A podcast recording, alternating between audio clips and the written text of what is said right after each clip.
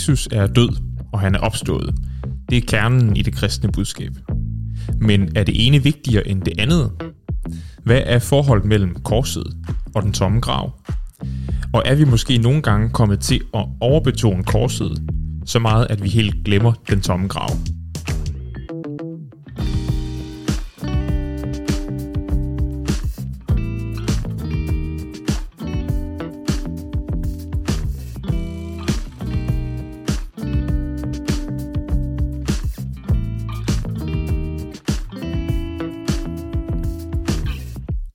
Velkommen til Mekkar, Israels Missionens podcast. Mekka er hebraisk og betyder en afkrog, der skal udforskes, eller et dybdegående studium. Og det er netop det, vi vil. Vi vil udforske Bibelens afkrog og dybder gennem samtale og studier. I dag skal vi tale om forholdet mellem Jesu død og hans opstandelse. Mit navn er Kasper Bagholdt. Velkommen ombord. Jeg har fået en gæst, som vil præsentere sig selv. Yes. Jamen, øh, jeg hedder Peter øh, Viftrup Højlund. Jeg er lige blevet gift, så nu har jeg pludselig tre navne. Tillykke med det. Det er en ny situation, må man sige. Øh, og øh, jeg er din gamle studiekammerat. Ja. Øh, altså ikke dig, der lytter, men Kasper, som jeg sidder overfor. øh, det kan jo også godt være, at jeg er dig, som lytters øh, gamle studiekammerat. Det vil vise sig. Mm. For lige at lære dig lidt bedre at kende, så vil jeg spørge dig, hvis nu du havde altid i verden, hvad ville du så helst skrive en bog om? Ja, øh, godt spørgsmål. Øh, det er jo sjovt, det, jeg ved ikke, om det er sådan, en, øh, sådan et teolog-syndrom, det der med, at man tænker, at man skal skrive en bog på et eller andet tidspunkt. Men det har jeg selvfølgelig også tænkt en masse over. øhm, og jeg, jeg tror egentlig, øh, jeg har flere forskellige idéer, øh, så jeg håber på et eller andet tidspunkt at få al den tid i verden, der skal til. Men øhm, det kunne både være noget skønlitterært, det kunne jeg faktisk have rigtig meget lyst til. Øh, og det kunne også være noget, øh, altså en, en digtsamling, øh, synes jeg også kunne være sjov. Men så har jeg sådan en lille øh, projekt i hovedet, som er meget, meget ufærdigt, og det er simpelthen bare at prøve at skrive nogle ydmyge tanker ned øh, om det, som jeg skrev bachelor om, nemlig paradoxer, øh, og øh, nærmere bestemt øh, et begreb, øh, som optræder meget ved Luther, nemlig begrebet simul, som betyder på samme tid. Øhm, og øh, det synes jeg nemlig har nogle ret spændende implikationer Mm. for teologi sådan generelt. Det glæder vi os til at læse om, når du engang får altid i verden.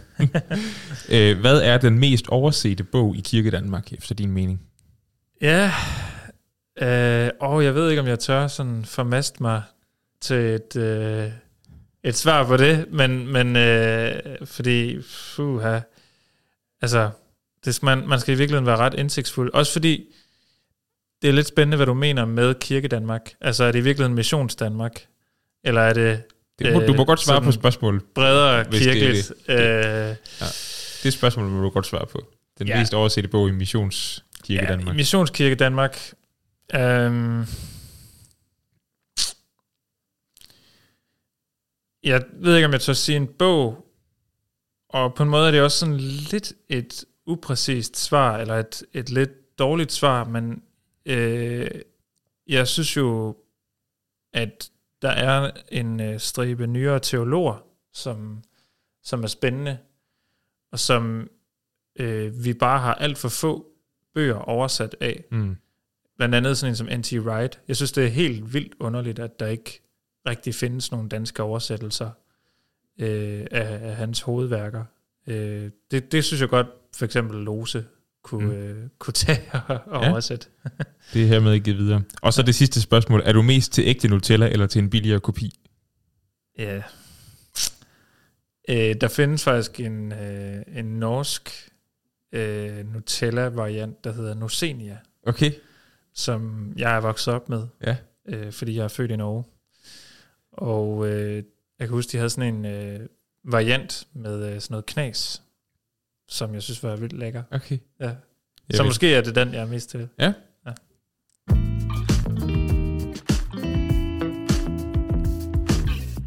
Nå, men videre til det, vi egentlig skal snakke om, nemlig det her med Jesu død og Jesu opstandelse. Og vi kan lige så godt begynde med at slå fast, at Jesu død er vigtig. Ja. Hvorfor, hvorfor er den det? øh, jamen, øh, det er den af flere forskellige grunde. Øh, altså, øh, der er jo ham der, en, øh, en svensk teolog, der hed Gustav Aulen, der talte om tre forskellige øh, forsoningslærer typer. Øhm, og jeg synes egentlig, at det siger det meget godt. Og det hænger selvfølgelig også sammen med, med Jesu opstandelse.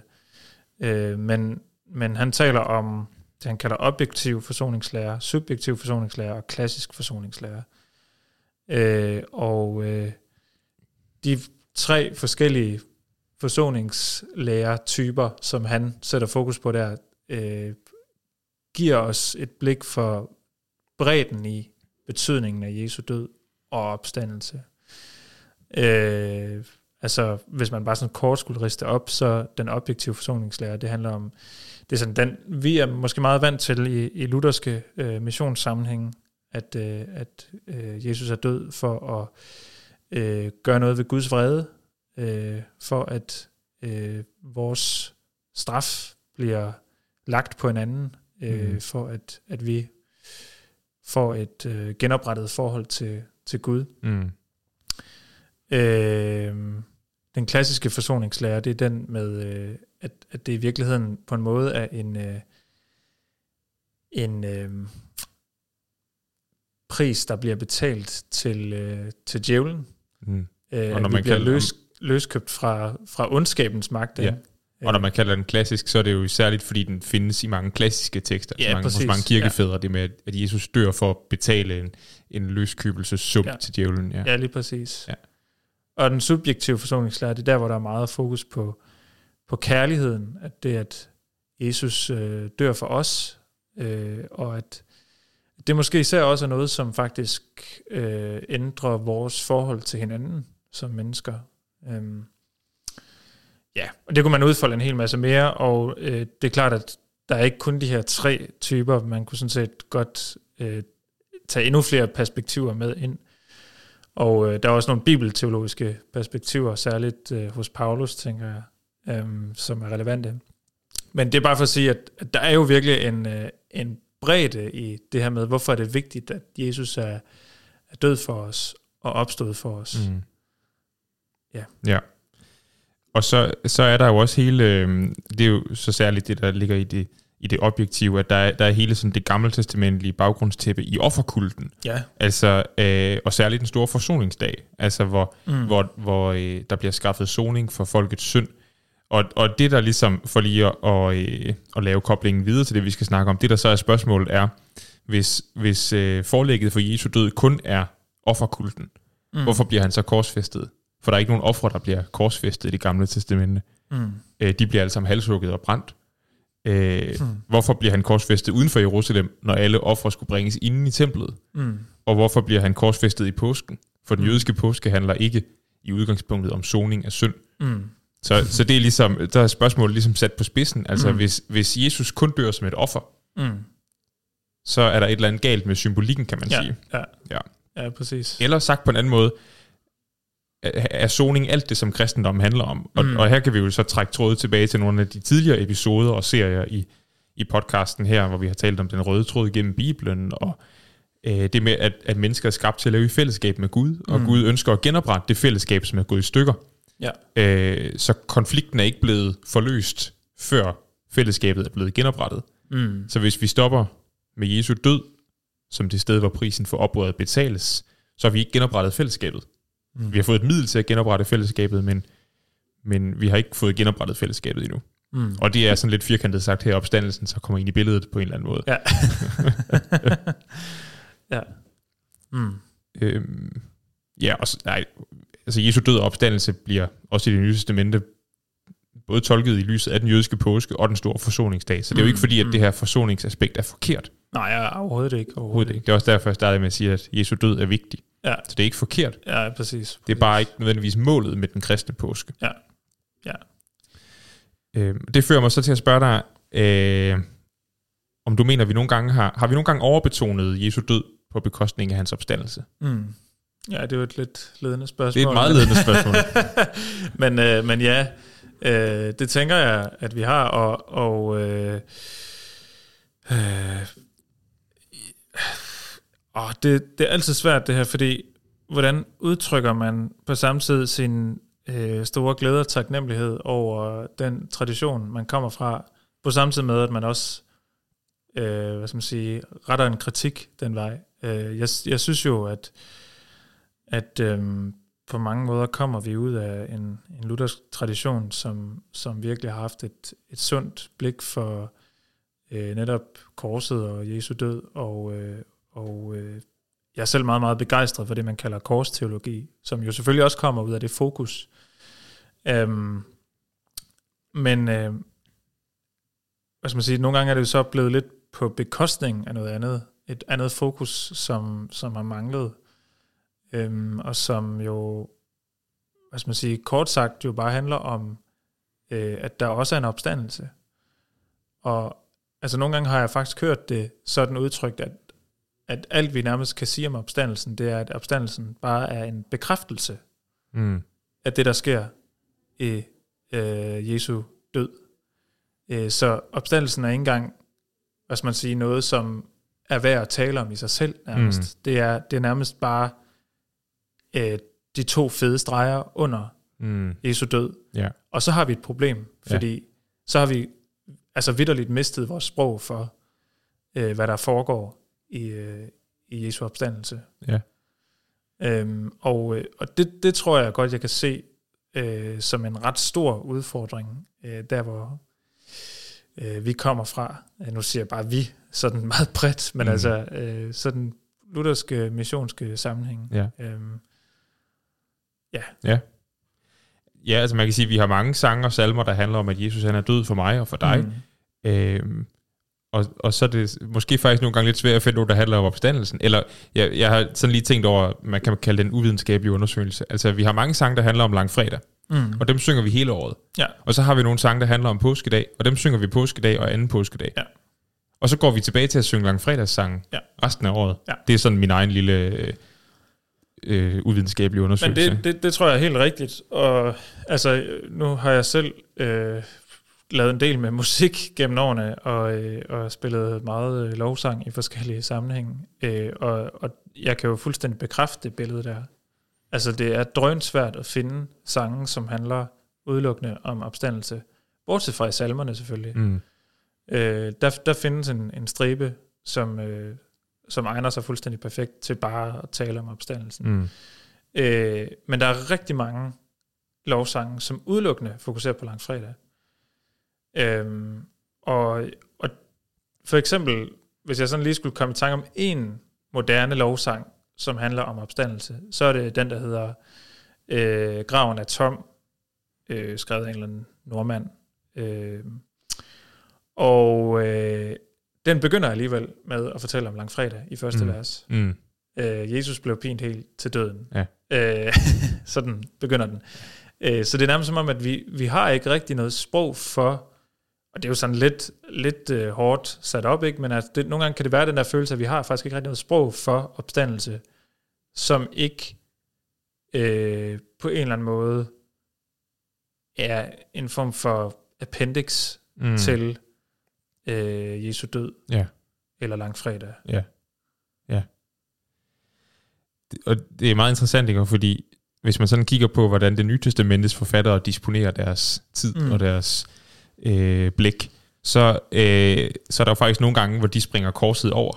Ja. Altså, øh, i, øh, Paulus han indleder romerbrevet med øh, at skrive, at evangeliet det er, at Jesus han er kommet som opfyldelsen af Guds løfter i det gamle testamente, altså at han er kommet som Messias, mm. og at han så er blevet stadfæstet, øh, står der i vores danske oversættelse, men det, på græsk står der egentlig, at han er blevet udpeget mm. som Guds søn med magt og vælde, da han opstod fra de døde. Ja. Det er det, Paulus skriver. Altså, ja. Så han springer korsfæstelsen over. Mm. Jesus er Messias, og så er han opstået. Ja. han, er, han er udpeget som Guds søn med magt og vælde, da han opstod fra de døde. Ja. Øh, og i Apostlenes Gerninger, der har vi mm. mange taler fra, fra både fra Paulus og også nogle fra Peter og sådan. Og, og, øh, og det er selvfølgelig forskellige situationer, og derfor så tager de forskellige elementer med, men det som de aldrig springer over, det er opstandelsen. Mm. Men for eksempel i kapitel 17, hvor Paulus han taler på Areopagos mm. i Athen, der springer han korsfæstelsen over. Mm. Ja. Der siger han bare, at Jesus han er opstået fra de døde. Mm. Ja. Springer fuldstændig korsfæstelsen ja. over. Altså logisk set er den selvfølgelig med, ikke? Ja, ja, at man er nødt til at være død, for at man ja. kunne blive levende igen. Ja.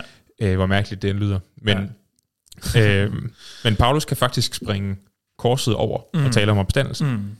Og det er virkelig interessant. Ja. ja, det er virkelig, virkelig interessant, og det må i hvert fald få os til at, at øh, se indad og se, øh, om, om vi skal våge og, og, og simpelthen øh, nogle gange lægge øh, fokus eller betoningen øh, mere sådan entydigt mm. på opstandelsen. Altså ja. ikke på bekostning af korsfæstelsen, men, men, men simpelthen nogle gange øh, øh, stille det spørgsmål, øh, hvad er det opstandelsen for sig selv øh, betyder mm. Øh, for os. Ja. ja, for man kan sige, en af konsekvenserne af, hvis vi lever som det, man kan kalde langfredagskristne, mm. øh, det er, at det kristne budskab reduceres til, at Jesus han tog din straf, så du kan komme i himlen, når du dør. Mm. Men det er jo netop en reduceret kristendom. Ja, det er det. Øh, fordi så bliver menneskelivet til sådan en slags ventetid, måske endda spildtid, mm. øh, og frelsen bliver sådan en himmelsk pensionsopsparing, ja. som jeg så kan indløse ved min død. Ja, præcis. Øh, og hvis vi måske skal sætte det ind i sådan israeliternes påskefortælling, så svarer det til en familie, der har smurt blod på dørstolperne, og så dødens engel går forbi deres hus, og det virker. Øh, og så kan de ellers blive siddende inde i deres lærklinede hus der i Ægypten, indtil de dør. Ja. Men nej, det er, jo, det er jo ikke sådan, historien er vel. De bliver befriet mm. allerede der. Mm. Altså, det, mm. den befrielse, de får mm. i påsken, er ikke en, de får en gang, når de dør. Det er en, de får allerede nu. De ja. begynder et nyt liv. Mm. Øh, det er ikke et perfekt liv, men de går ind i en ny relation til mm. deres Gud, og det har konsekvenser for deres liv. Så mm. der er tydeligt før og efter påsken. Mm. Ja, præcis. Ja. præcis. Ja.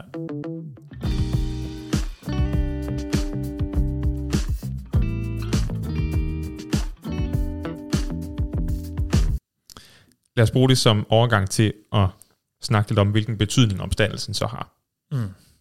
Jamen, øh, altså, jeg tror egentlig bare for mig har det været vigtigt, det her med at prøve at se øh, Jesu død og opstandelse, påskebegivenheden, i lyset af påsken. øh, så simpelthen begynde der. Øh, og netop, ja, øh, ret blikket mod udfrielsen som overskriften. Ikke? Altså, og, øh, og det kan man så prøve at, at gå på opdagelse i øh, det nye testamente for at finde øh, ud af, hvad det så konkret betyder. Øh, for mig har det været vigtigt med øh, øh den, de berømte romerbrevskapitler øh, fra 6 til 8. Øh, ej, vi kan også godt tage femeren med. Øh, men, men måske faktisk særligt øh, sådan et kapitel som kapitel 6, øh, hvor øh, Øhm, noget af det, Paulus gør der, det er, at han sammenligner vores dåb øh, med øh, påskebegivenheden, og siger, at det, der sker med os i, i vores dåb, øh, det er præcis øh, det samme, eller det, det er det, der på en eller anden måde knytter os sammen med Jesus, fordi der sker det samme med os i dåben, som, som skete med ham i påsken. Øh, og det får jo så nogle konsekvenser for øh, det nye liv. Øhm, og, øh, og det er meget, meget tydeligt, at Paulus han har ikke sådan en idé om, at det nye liv handler om så bare at lægge sig på sin sofa og hvile. Mm. Altså vi bruger ofte sådan et udtryk som, at det er vigtigt at hvile i Kristus. Og det tænker jeg, at, at det er. det, er det er et udtryk, vi skal holde fast i. Men det er ikke en hvilen på laverbærene. Mm. Øh, det er ikke sådan en, øh, nu behøver du ikke foretage dig noget resten af dit liv. Øh, det kan man jo godt sådan tænke umiddelbart. Altså jeg kan huske, øh, jeg engang øh, hørte en øh, mand, øh, som var psykolog, fortælle, at, øh, at han havde haft en klient, som han havde bedt om sådan ligesom at optegne hans vision for sit liv. Hvad er din vision? Og han siger, jeg ser for mig, at øh, jeg ligger på en tropisk strand og øh, drikker drinks.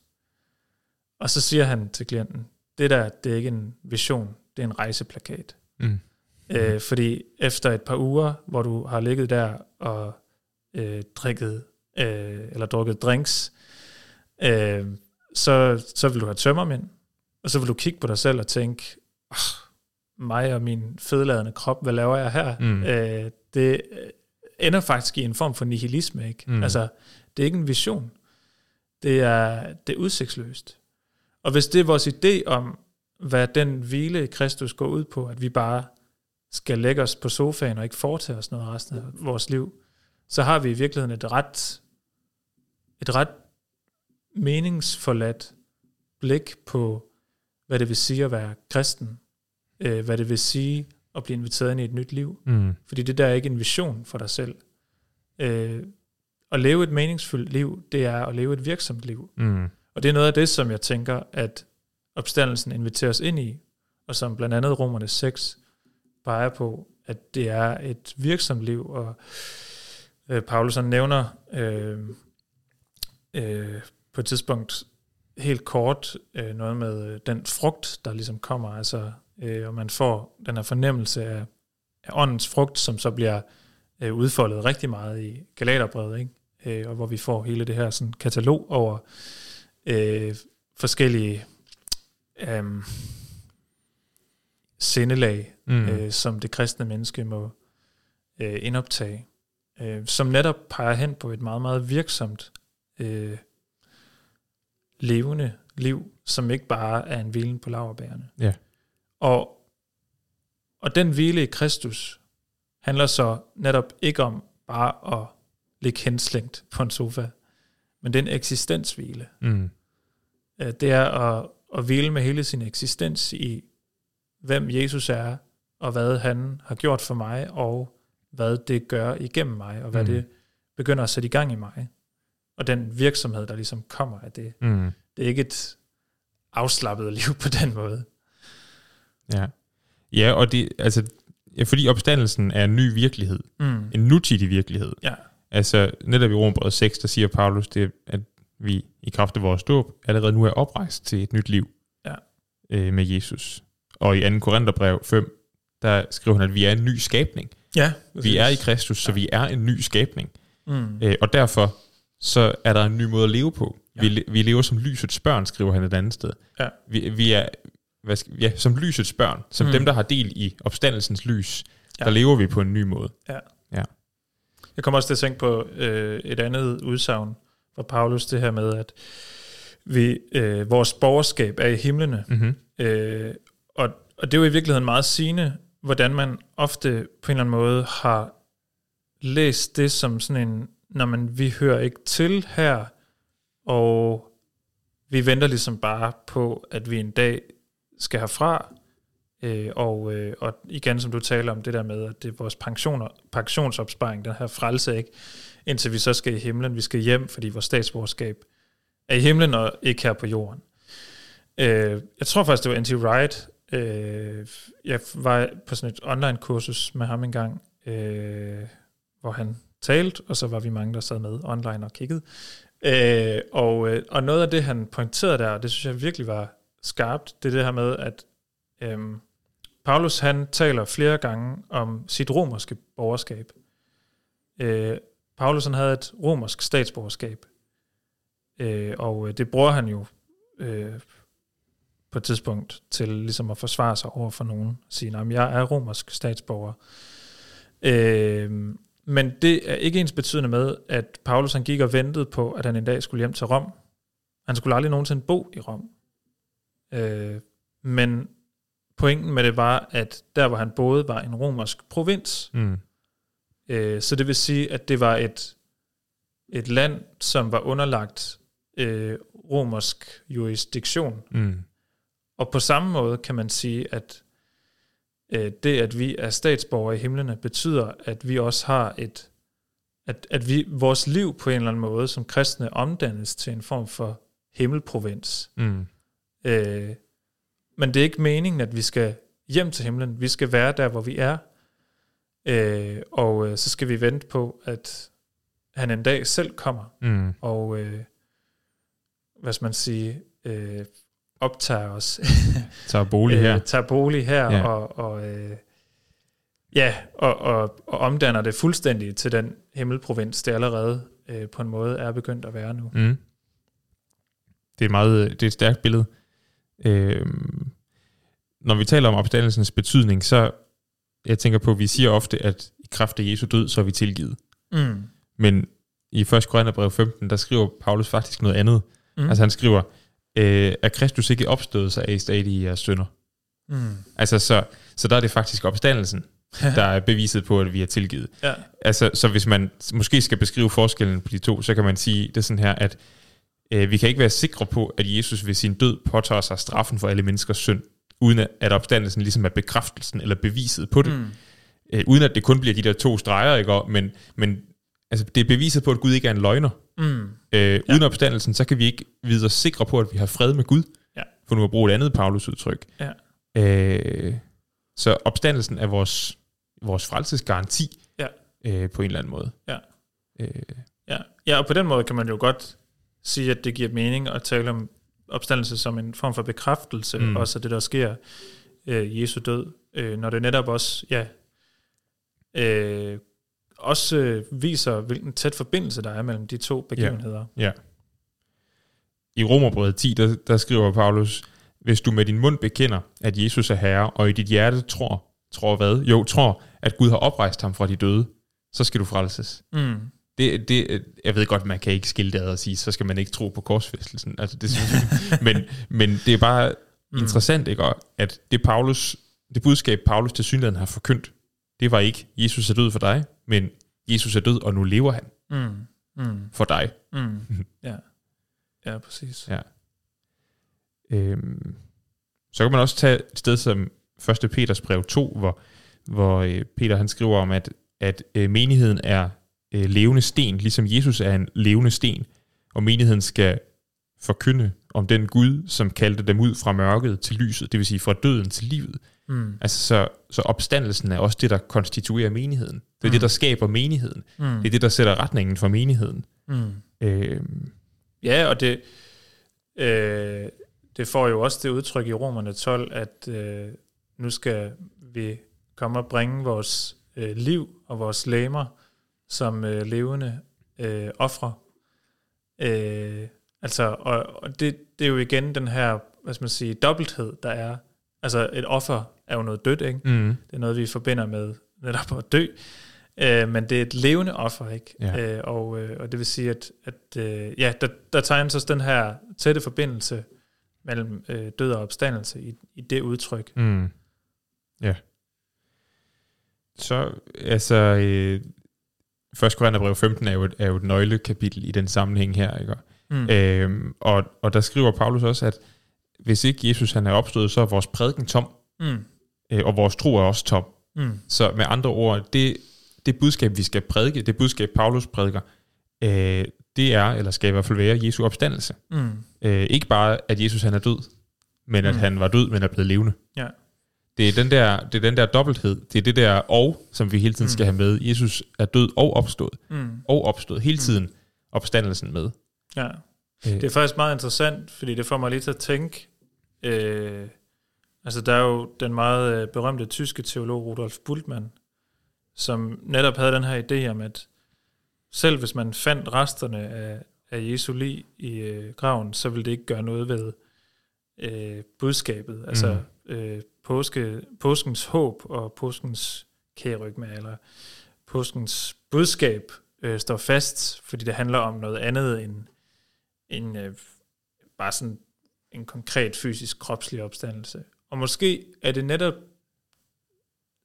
øh, i sådan en type sammenhæng, hvor der er en, en meget, meget stærk betoning af Jesu død, og øh, en meget sådan underbetonet udgave af opstandelsen, hvor, hvor den type idé kan opstå. mm, Det er, det er på en eller anden måde, det er lidt ligegyldigt, fordi det vigtige skete i hans død, ja. Øh, og øh, øh, ja, jeg har sådan en øh, jeg har sådan en øh, salme, som jeg elsker at have, øh, der hedder Se hvilket menneske, se hvilket sind, Ja. Øh, som, som sådan i, kulminationsverset, det sidste vers, øh, ligesom skal prøve at tale om, om Jesu øh, død og, og hvad det gør for os. Og hvor den bruger et eller andet udtryk i stil med, jeg kan måske lige google den for at være helt sikker, men jeg tror, det er noget med, at, at det er noget, der, der driver vores dødsangst ud. Mm. Øh, så i virkeligheden, og nu, altså, jeg kan jo ikke være helt sikker på, at det er det, forfatteren mener, men, men mit, mit indtryk af den salme er, at den, dens idé om opstandelsen er i virkeligheden, at opstandelsen handler mere om noget, som fordriver angsten for døden. Mm. Men det er ikke noget, der fordriver døden selv. Mm. Ja. Og den, altså i værste fald, så kan man stå tilbage med sådan et kætteri, når man ikke har noget Ja. at sige om opstandelsen. Ja. Øh, når opstandelsen bare bliver en eller anden form for fodnote Ja. til Jesu død. Ja. Altså, og det er jo i værste fald, og jeg vil slet ikke beskylde nogen missionsfolk øh, for at begå den fejl, men, men jeg tror ikke, at det er tilfældigt, Mm. at det er en lutheraner, Rudolf Bultmann, som ender med at stå øh, med den fortolkning. Mm. Øh, jeg tror, at det handler om, at, at det er en, en teolog, som kommer af en teologisk tradition, hvor, hvor man har overbetonet døden så meget, at det nogle gange har skubbet opstandelsen helt til side. Og det er jo i hvert fald overhovedet ikke tilfældet øh, i, i det nye testamente. Altså der er opstandelsen jo altså det, det mest afgørende, der overhovedet sker. Ikke? Ja. Fordi altså, det, det er ikke noget særligt, at nogen dør. Nej. Det er det simpelthen ikke. Nej. Det er simpelthen det er ikke Jesu død på korset, som, som ændrer noget for, for, det, for hans disciple. Mm. Det er det simpelthen ikke. Mm. Jo, altså de bliver, de bliver jo panisk, angst, panisk ja, ja. angste Ja, for, præcis. for romerne og så videre. Altså, det, det, at, det, at nogen dør, det, og det, at en, at en, der har påstået at være messias, dør, det er simpelthen ikke noget specielt. Nej. Det gjorde alle andre, der påstod at være messias, de døde faktisk også. Ja. Så, så det, det, der forandrer alting, det er opstandelsen. Det er, at en død kan blive levende igen. Mm. Ja. Øhm, og, og det der jo så også er det, er det enormt øh, ja, grænsesprængende eller provokerende mm. ved det nye testamentes øh, påstand om Jesu opstandelse, det er jo, at, at Jesu opstandelse kun er begyndelsen. Mm. Det er kun første grøden. Ja. Altså det er kun, øh, det, det er kun begyndelsen, fordi vores opstandelse følger umiddelbart efter. Mm. Vi Ja. skal opstå umiddelbart efter Jesus. Det er jo sådan, det er med første grøde. Jeg tror, mm. jeg har sagt det tidligere. Altså første grøden, det er den første del af høsten, man høster. Mm. Og den høster man jo, når den er moden. Mm. Og man høster også resten af høsten, når den er moden. Mm. Så man høster samtidig. Øh, første grøden er så bare det, man bringer til templet. Mm. Så når Jesus er opstået som første grøden, så er det fordi vores opstandelse følger umiddelbart efter. Mm. Og, og det gør den selvfølgelig ikke. Der er et enormt tidsmæssigt øh, øh, mellemrum. Ikke? Mm. Vi er ikke opstået på samme måde, som Jesus er det endnu. Vi mm. har del i det i, hans, i, i vores dåb, som Paulus skriver det, men, mm. men vi lever stadigvæk på den her side af vores død. Mm. Men vi har alligevel del i Jesu opstandelse. Mm. Øh, fordi, fordi opstandelsen ikke kun handler om noget, der er sket for Jesus. Det er ikke kun noget, der er sket for et individ. Det er et udtryk for, at verden står et helt andet sted. Ja. At det ikke bare er dødsangsten, det er døden, der er blevet fordrevet, som Ja, du siger. præcis. Ja. Det er djævelens magt, der er blevet brudt. Ja. Så verden står et andet sted. Der er simpelthen der er opstået en helt ny måde at være menneske på. Mm. Et menneske i, i opstandelsens virkelighed. Ja. ja. Og det forandrer jo så disciplenes perspektiv. Altså hvis vi læser Lukas 24, et af mine yndlingskapitler, fordi vi, vi, Mm. vi kommer på vandring med, med nogle forskellige grupper af disciple, øh, eller i hvert fald i forskellige sammenhænge, og de møder Jesus, og det er Jesus, og de kan ikke forstå, hvad der er sket, vel? Altså, Mm. han er død, og det var svært nok at forstå, og nu er der nogen, der påstår, at han er opstået. Det er endnu Mm. sværere at forstå. Mm. Øh, og så forandrer Jesus deres perspektiv Mm. øh, ja, på sig selv, på Gud, på verden og på, der, Mm. og på skrifterne, på det gamle Mm. testamente. Øh, og det, er- det, er, det er Jesu død og opstandelse, Mm. der forandrer deres perspektiv. Mm. Det er simpelthen, Jesu opstandelse er simpelthen en fortolkningsnøgle Mm. til at læse det gamle testamente. Mm. Det er virkelig interessant, synes Ja, jeg. det er det. det, er det.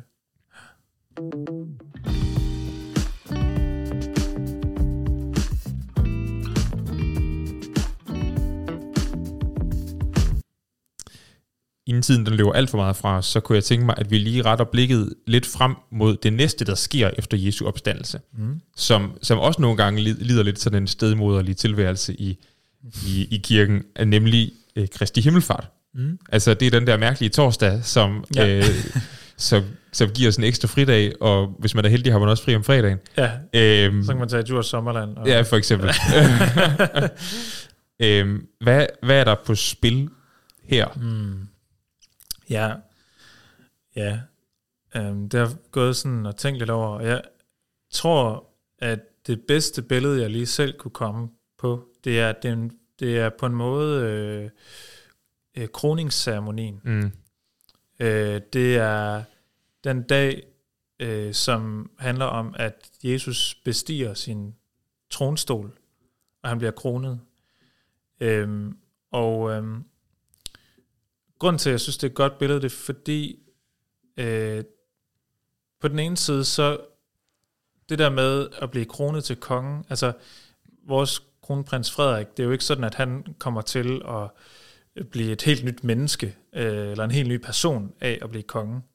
Øh, men, men det sker ligesom den dag, hvor tiden er inde, Mm. hvor øh, noget andet er gået forud, noget som øh, ligesom er afgørende, det afgørende step, det vil så i hans tilfælde være det øh, triste, at hans mor dør, øh, formentlig, eller hun abdicerer, det er jo også en mulighed, men øh, men i det her tilfælde handler det jo så om, at Jesus selv øh, skulle dø og opstå, Mm. øh, og, øh, og så er tiden inde til, at han øh, kan blive kronet og kan bestige tronen Mm. øh, på ny. Ja. Øh, og, øh, og så siger det jo alligevel noget vigtigt om, at nu er det faktisk ham, som har fået al magt i Mhm. mm-hmm. himlen og på jorden. Ja. Øh, og at han er vores konge. Det er ham, som vi skal tilbede. Mm. Øh, det er ham, som er Israels messias og hele verdens konge, som nogen har skrevet en bog om. Det er der nogen, der har skrevet en bog om. Det lyder da, lyder da bekendt. Ja. ja. ja. Og det, jeg vil sige, det er virkelig, det er virkelig en vigtig dag. Mm. Altså, øh, vi- jeg har tidligere været inde på, i, det var i episode 1 i den her serie, vi slog fast, at himmelfarten ikke er en ekskarnation. mm. Det er ikke et udtryk for, at Jesus han stopper med at være menneske. Nej, nej, han præcis. efterlader ikke sin menneskekrop Nej. her på jorden. Nej. Som menneske, der sætter han sig ved Guds højre hånd. Ja. Ja. Øh, og har al magt i himlen og på jorden, som både du og han selv siger. Mm. Øh, og, og det er jo netop udtryk for, ja, at det er ham, der er konge, og han mm. er den eneste konge. Ja. Han er den eneste konge.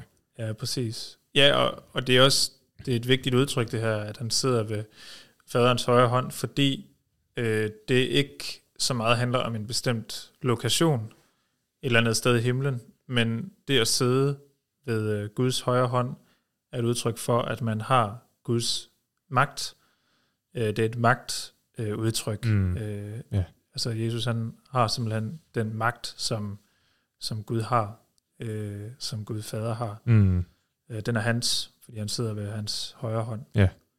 Så det er ikke et, et geografisk begreb, så meget som det er et udtryk for den magt, han nu besidder. Ja. Ja.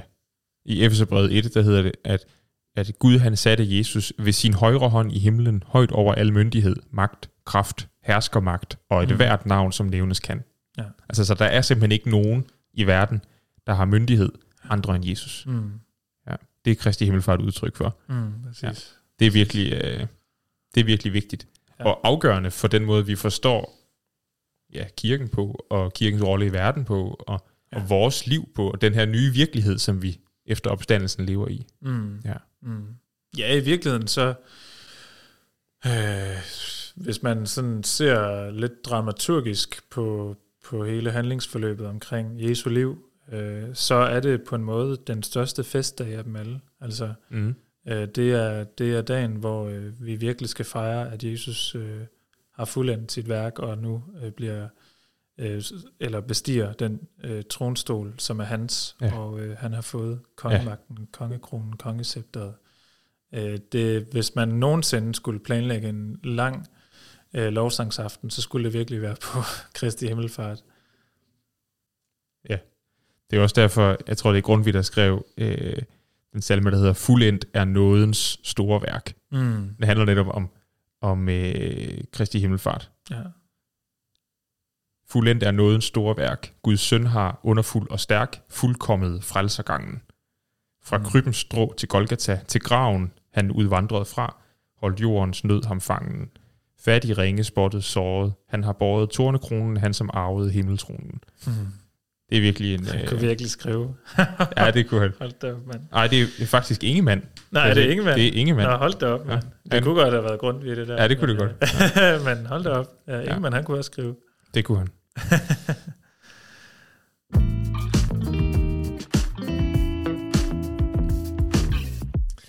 Se, nu er tiden ved at være gået, og derfor så skal vi samle op. Og vi skal ikke bare samle op på den her episode, men på hele den her serie. Og øh, det, vi har snakket om i den her serie, det er, at vi har sat fokus på nogle centrale aspekter ved Jesus. Så i episode 1, der snakkede jeg med Troels om inkarnationen, altså det, at Jesus både er Gud og menneske. Og her var vi inde på, at det er det mest fundamentale, der er at sige om Jesus. Og hvis vi afviser det, så falder hjulene af bilen, for nu at bruge det billede, som Troels han brugte. Så inkarnationen er udtryk for, at Gud han bøjer sig selv helt ned til os, og det gør han for at frelse os, for at løfte os helt op til sig. Så i episode 2, der snakkede jeg med Maria om, hvad det betyder, at Jesus er Messias, altså at han er den salvede konge og præst, og at han er det på den måde, som han er det på. Øh, og det har nemlig ringvirkninger i al kristen teologi, i den måde, som Nytestamentets forfattere forstår ja, hele verden på. Og en af de måder, som Jesus er Messias på, tog vi så op i episode 3 sammen med Morten, nemlig at Jesus han er en Messias, der ikke bare kommer for at dø, men som også har en tjeneste i Galilea, før han kommer til Jerusalem.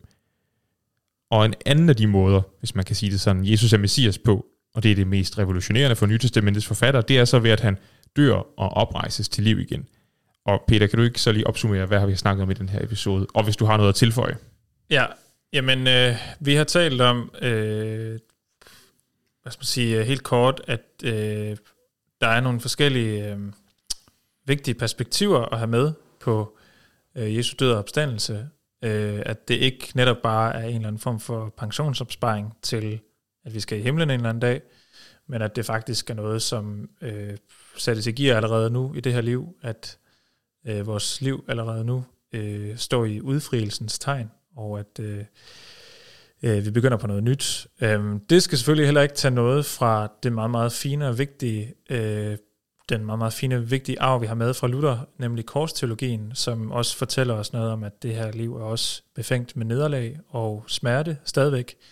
Øh, vi er ikke øh, fuldstændig ude af trældommen, ude af Ægypten, øh, ude af eller man kan sige, vi vi er på ørkenvandring stadigvæk. Øh, Vi er ikke nået frem til øh, det forjættede land endnu. Øh, Så derfor vil vores liv også være befængt med smerte. Mm. Så det er en vigtig detalje også at have med i alt det her.